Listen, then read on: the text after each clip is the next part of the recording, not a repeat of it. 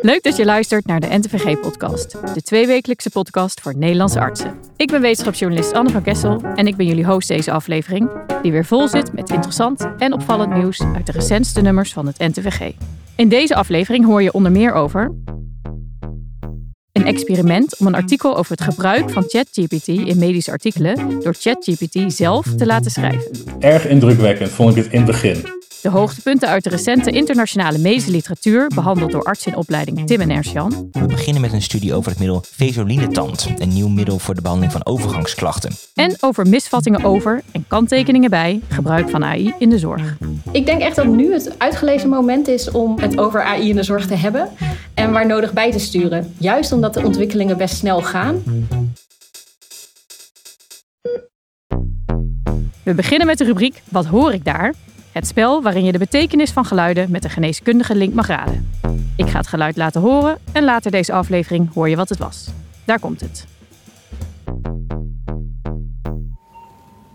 Ja.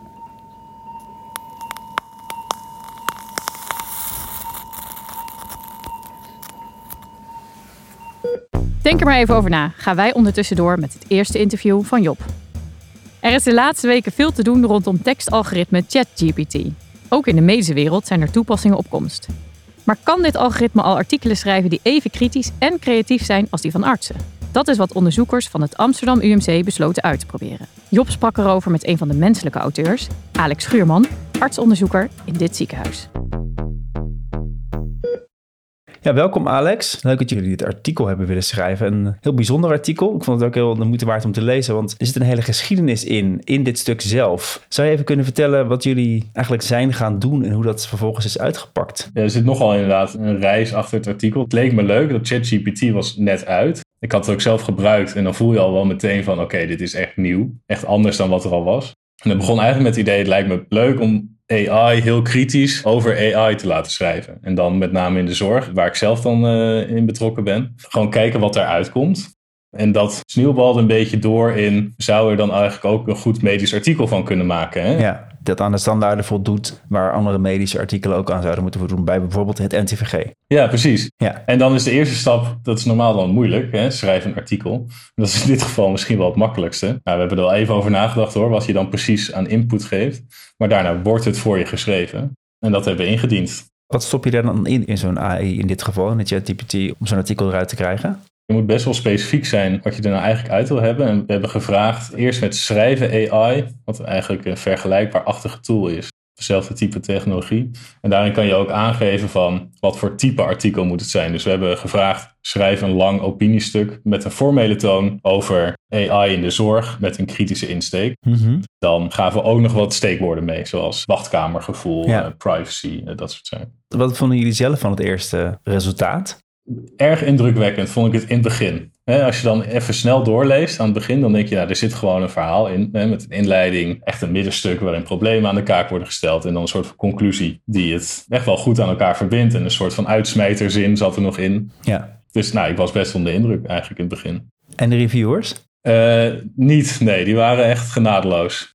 Ja, en door die algemeenheden breekt de val heen. Of... Ja, er waren eigenlijk zowel inhoudelijk als stilistisch best wel wat comments wat hun betreft. Dus ze vonden inhoudelijk dat het heel oppervlakkig bleef. Wat ook wel zo is als je het, eh, als je het leest. Sommige uitspraken zijn gewoon niet waar Ja. die erin zitten. Daar, daar vielen de reviewers denk ik terecht over. En ook wel gewoon qua zinsbouw. Dat er bepaalde zinnen die niet liepen of te ambigu waren om daadwerkelijk iets te zeggen. Ja. En hoe is het vervolgens in het kort vandaar uiteindelijk toch dit stuk geworden wat het geworden is op een eigenlijk nog iets hoger metaniveau? We hadden ze wel op de hoogte gesteld van dit is door AI geschreven. En ook de editors van het blad hadden we ook op de hoogte gesteld. En dat hielp denk ik wel met dat we nog een kans kregen om voor revisie te gaan. Want als we dit zelf hadden gemaakt met deze kritiekpunten, dan was het klaar geweest. Eh, maar nu mochten we nog wel voor revisie gaan. En die hebben we ook volledig met AI gedaan. En ik hoopte eerst, we zetten gewoon al die eh, opmerkingen, hè, dat Ja. waren drie kantjes of zo, geven we aan de AI met de opdracht herschrijf het stuk. Ja. Nou, dat werkte niet. Toen hebben we echt stap voor stap zo van, eh, verwijder deze paragraaf, pas dit aan, herschrijf dit, hebben we het moeten doen. Ja. En zo hebben we dus uiteindelijk revisie gedaan en toen weer opnieuw ingediend. Wat heeft nou dit hele proces jullie geleerd over die stand van de techniek van dit moment? Als je het dan echt goed gaat lezen, hè, wat, je dan, wat reviewers doen, maar ook vaak lezers van medische artikelen of zo, dan zie je toch dat het inderdaad oppervlakkig blijft. En dat hoort ook gewoon bij hoe deze technologie momenteel werkt. Dus hij screent alles wat er op het internet te vinden is over het onderwerp tot eind 2021. En dan probeert hij een soort van coherent, hè, hij of zij of het, ik weet niet hoe ik het moet noemen, een coherent verhaal van te maken. Maar dat zal dus nooit wat er al gezegd is overstijgen. Want het, het, het vat samen een soort van de brede lijnen van de discussie die er al gaande is. Dus als je een verdieping wil zoeken, dan is dat bijna inherent niet te doen op deze manier. Ja. En daarnaast dus dat je gewoon heel specifiek moet zeggen wat je wil. Dat zijn de grootste punten. ja. En eh, waar zou je dan met name in die medische wereld de toepassingen zien? Bijvoorbeeld in de zorg heb je heel veel administratie. Hè? Heel veel, moet heel veel getypt worden. Wat wel echt een groot probleem is en het werkplezier vermindert. Dus je kan je voorstellen dat bepaalde taken zoals nou ja, bijvoorbeeld ontslagbrieven. Wat eigenlijk een samenvatting is van wat er al gebeurd is tijdens een opname of zo. Dat die geschreven kan worden door een AI. Maar dat betekent dan wel weer dat je dit soort algoritmes of modellen toegang moet geven tot patiëntengegevens. Ja. Dus dat is vaak natuurlijk in de medische wereld best wel een stap die je dan zou moeten zetten. Dus ik weet niet hoe snel dat gaat gebeuren. En daarnaast is het wel heel goed op dit moment in ieder geval in dingen samenvatten. Er is ook een studie geweest dat het de Amerikaanse artsenexamens heeft afgelegd. En dat bleek heel leerzaam voor studenten om te kijken hoe zo'n AI naar die vragen kijkt en die beantwoordt. Dus eigenlijk zijn toepassingen denk ik wel heel breed. Maar concrete tools zijn er nog niet echt in gebruik. Nou, ik ben heel benieuwd waar we over tien jaar staan. Misschien moeten we over tien jaar nog een keer eh, afspreken en kijken hoe het dan is. ja, precies. Of eh, dan is een van ons overgenomen door een AI. Dat zou ook kunnen. Het is ook een interessant gesprek. Zo'n tijdschaal is tien jaar wel echt lang, hè, wat dat betreft. Ja. Over een paar jaar laten we het daarop houden. Dankjewel. Dankjewel Job en Alex. Het artikel van Schuurman en collega's is uiteraard te vinden op ntvg.nl onder podcast. Reageren mag altijd via podcast.ntvg.nl. De warme douche is deze keer voor vier co-assistenten die een documentaire maakten over de toekomst van de gezondheidszorg in Nederland. De zorg van morgen.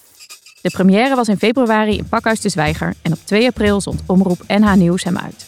Ik belde met een van de makers, Amber Boot, co-assistent in het Amsterdam UMC.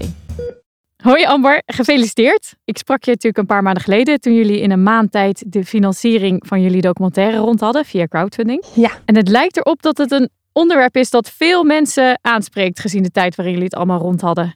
Hoe hebben jullie dat ervaren? Ja, zeker. Nee, we waren ook verbaasd in hoeveel je teweeg kan brengen in zo'n korte tijd. Dus zeker heel erg blij mee. En dat niet ook zien inderdaad dat het onderwerp leeft wat je zegt. Ja, en jullie spreken in jullie trailer en op de website over een zorgcrisis.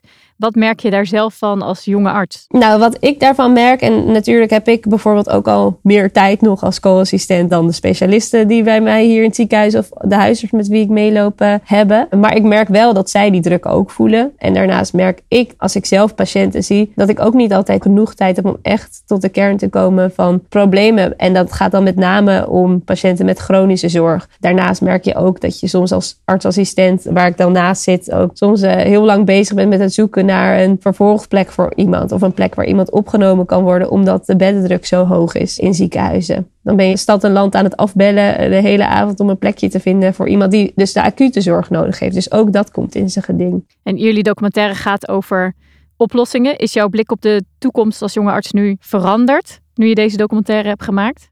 Nou, ik ben eh, wel positief. En dat was ik eigenlijk altijd al wel. Omdat ik nou wel tegen sommige obstakels aanliep. Maar ook wel merkte dat het leefde. En dat zorgverleners echt verandering teweeg willen brengen. En dat is eigenlijk alleen maar gegroeid door al deze artsen te spreken. Die dat al op hun manier doen. Maar ook door de reacties die wij krijgen bij het uitbrengen van deze documentaire. De documentaire is nu uitgezonden, is een première geweest. Hoe kunnen artsen die hem nog niet gezien hebben, hoe kunnen die hem ook zien? Hij komt uiteindelijk ook online, maar voor nu willen we onze focus leggen op evenementen. Dus we zijn op zoek naar symposia die we zelf benaderen, maar soms worden we ook op dit moment al benaderd door symposia of congressen die hem zouden willen vertonen. Om daarna na afloop een discussie op gang te brengen. Om het te hebben over de dingen die we zien, maar ook dus over die obstakels die we in de zorg tegenkomen en hoe we daar actief naar oplossingen op zoek kunnen gaan. En hoe kunnen mensen jullie bereiken? We hebben een, uh, een LinkedIn-pagina, Zorg van Morgen, een Instagram, maar ook een, uh, een e-mailadres. Zorgvanmorgendoku.gmail.com. Hartelijk dank, Amber. Geen dank, dankjewel voor het gesprek. En dan is het nu tijd voor onze ongekroonde helden, die naast hun drukke artsenbaan tijd maken om de mondiale medische literatuur voor ons door te spitten.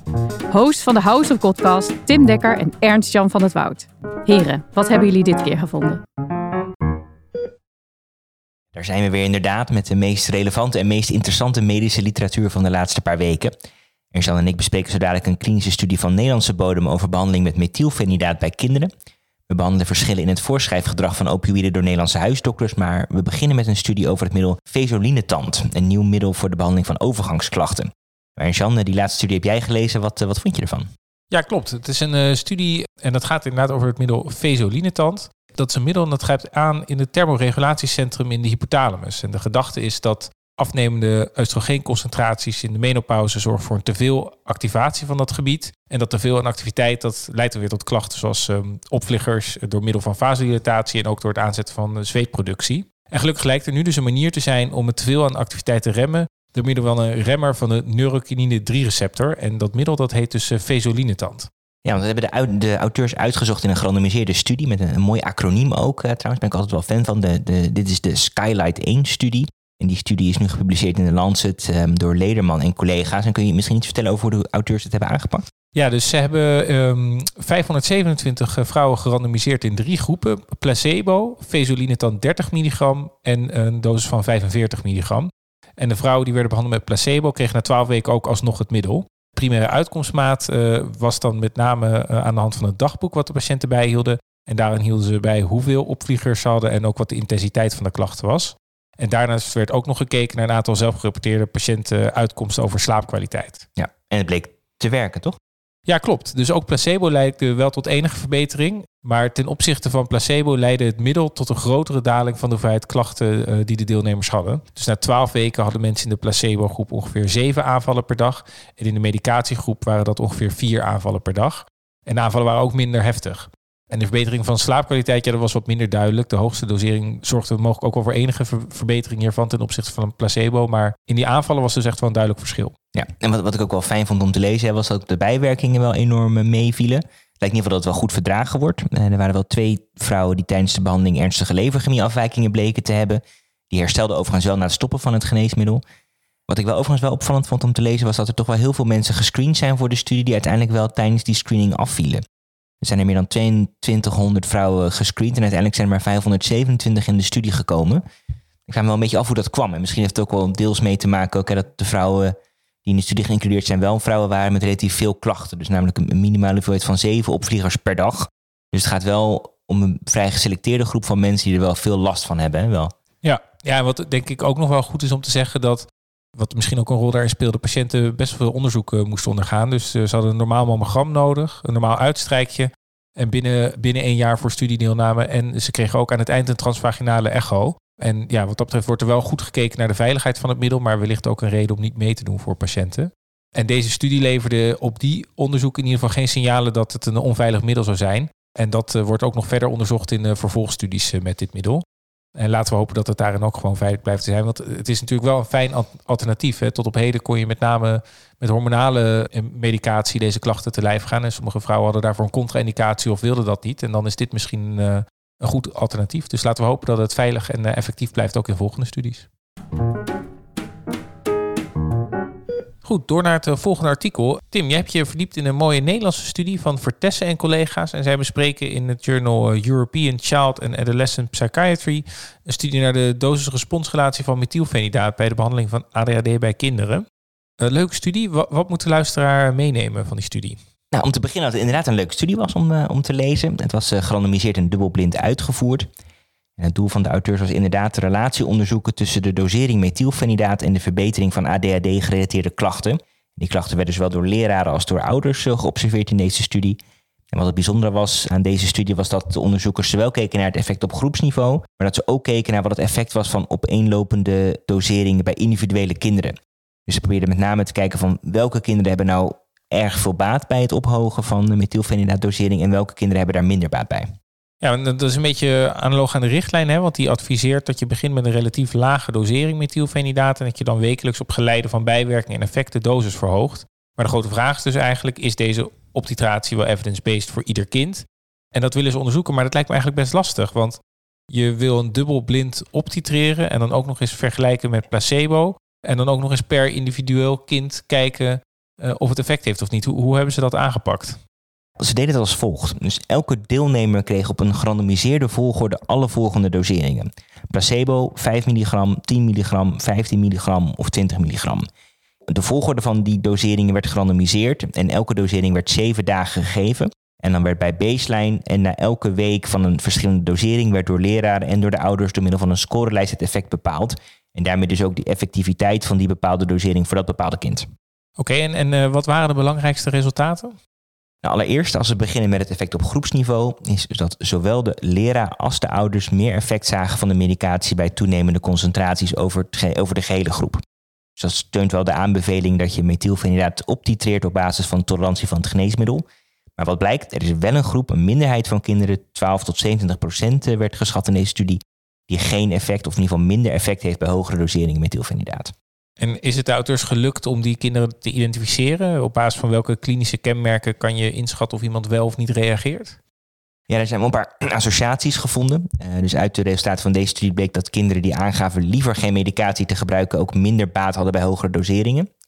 Aan de andere kant stond dan wel weer uh, zo dat kinderen die hoger scoorden op de hyperactiviteit en impulsiviteitsscorelijst hadden dan wel weer relatief meer baat bij het ophogen van de medicatie.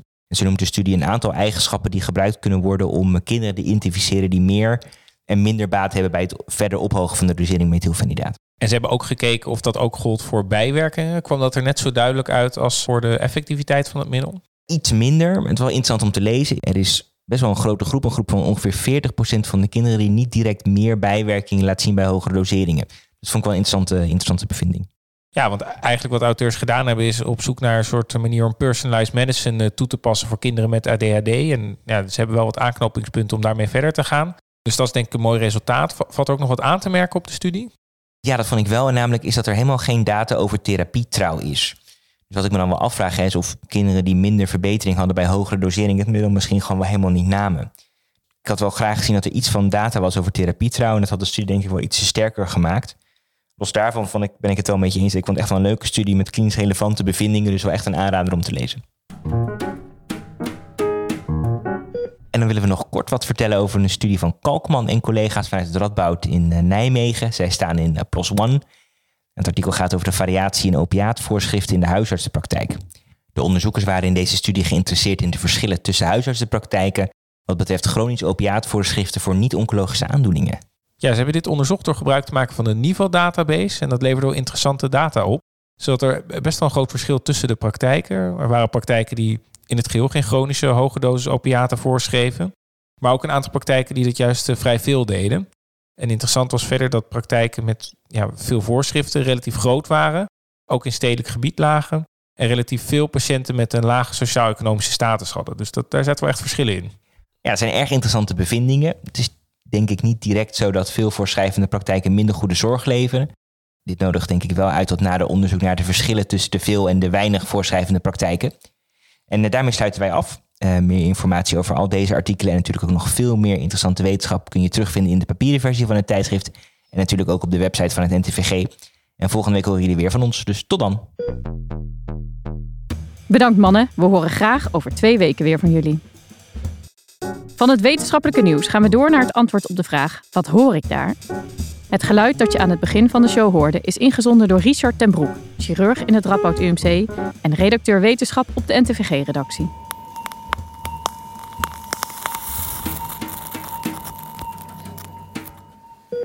Goedemorgen Richard. Ja, vertel, wat hoorden wij? Nou, wat je hoort is het uh, geluid van het coaguleren, oftewel dichtmaken van een uh, bloedvaatje op de operatiekamer. En hoe doe je dat dan? Nou, dat doen we met een uh, instrument dat heet elektrokouter of diathermie. En dat is een soort elektrisch mes wat elektrische pulsen afgeeft aan het weefsel. En daardoor worden capillaire vaten en arteriolen afgedicht. De eiwitten denatureren door die elektrische pulsen, waardoor het bloedvat coaguleert en een afdichtend laagje krijgt. En is dat dan dat knetteren dat ik hoor? Ja, dat is inderdaad het knetteren wat je hoort. En als je goed luistert, dan hoor je op het eind ook nog een soort zacht plofje. Dat is het moment waarop het bloedvat helemaal is afgedicht. En gebruik je dat geluid dan ook dat je weet nu is het goed dicht of is dat puur op zicht? Ja, je ziet het ook, maar op het moment dat je dat hoort, dan is dat ook een bevestiging dat het goed dicht is. Ja, en is dit nou dezelfde methode als wanneer iemand bloedvaatjes in zijn neus laat aanstippen vanwege bloedingen? Ja, daar worden een iets andere handvaten bij gebruikt, maar dezelfde elektrische pulsen worden daarbij toegepast. En wat heeft deze techniek jullie chirurgen gebracht? Nou, in de moderne chirurgie is elektrochirurgie een van de meest voorkomende methodes om bloedvaten te verzorgen. En daardoor kun je dus relatief bloedingsvrij en rustig opereren. En voor de opkomst van elektrochirurgie moest je dus eigenlijk ieder bloedvaatje of dichthechten of knopen of afdrukken. En daarnaast is het ook zo dat de elektrochirurgie samen met de videokamertechnieken aan de basis staat van de opkomst van de minimaal invasieve chirurgie. Behoorlijke winst voor jullie vakgebied dus. Dankjewel Richard. Graag gedaan. We zijn bij het tweede langere interview van vandaag aangekomen en dat gaat wederom over AI. Want naast ChatGPT zijn er nog veel meer vormen van AI die bruikbaar zijn in de zorg. Ook rond die toepassingen bestaan de nodige misvattingen. Tegelijk zijn er kritische kanttekeningen bij te plaatsen. Onderzoekers van het UMC Utrecht zetten ze op een rij en Job sprak met een van de auteurs, bioethicus en universitair hoofddocent Karin Jongsma.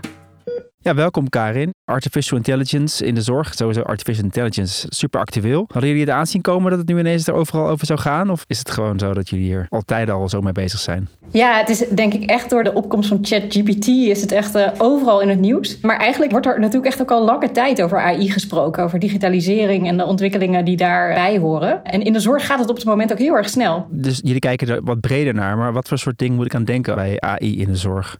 AI is eigenlijk een soort geavanceerde data-analyse model of modellen.